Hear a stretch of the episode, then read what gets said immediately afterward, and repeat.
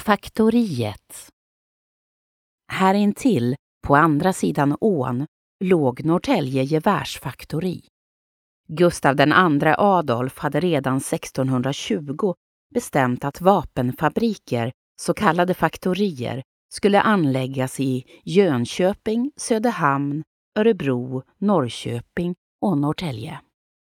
Norrtälje valdes först och främst för att kraften i Norrtäljeån kunde driva faktoriets maskiner. Men närheten till de uppländska järnbruken spelade också in. Järn till vapensmidet hämtades från bland annat Skebo och Ortala järnbruk. Men det var också viktigt att det fanns gott om träkol till smidet. I Roslagens skogar låg därför röken från kolmilorna tät och många bönder betalade sin skatt till kronan i form av träkol. De flesta som arbetade vid faktoriet var tyskar. Det fanns helt enkelt inte tillräckligt många vapensmeder i Sverige som begrep sig på att smida gevär.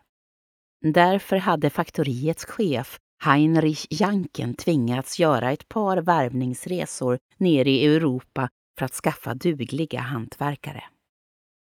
Längs det som idag är Hantverkaregatan låg smedjorna på en lång rad. Men faktoriet dominerades av den stora borrkvarnen som låg mitt i strömmen. Fyra väldiga vattenhjul drev de olika borr och slipmaskiner som behövdes vid tillverkningen. Då man skulle tillverka en gevärspipa började man med en järnplåt som man hettade upp och smidde ihop till ett rör till rätt dimension i borrkvarnen. Vid faktoriet har tusentals gevär och pistoler under årens lopp tillverkats åt svenska armén. De första vapnen levererades 1623 och de sista så sent som 1842.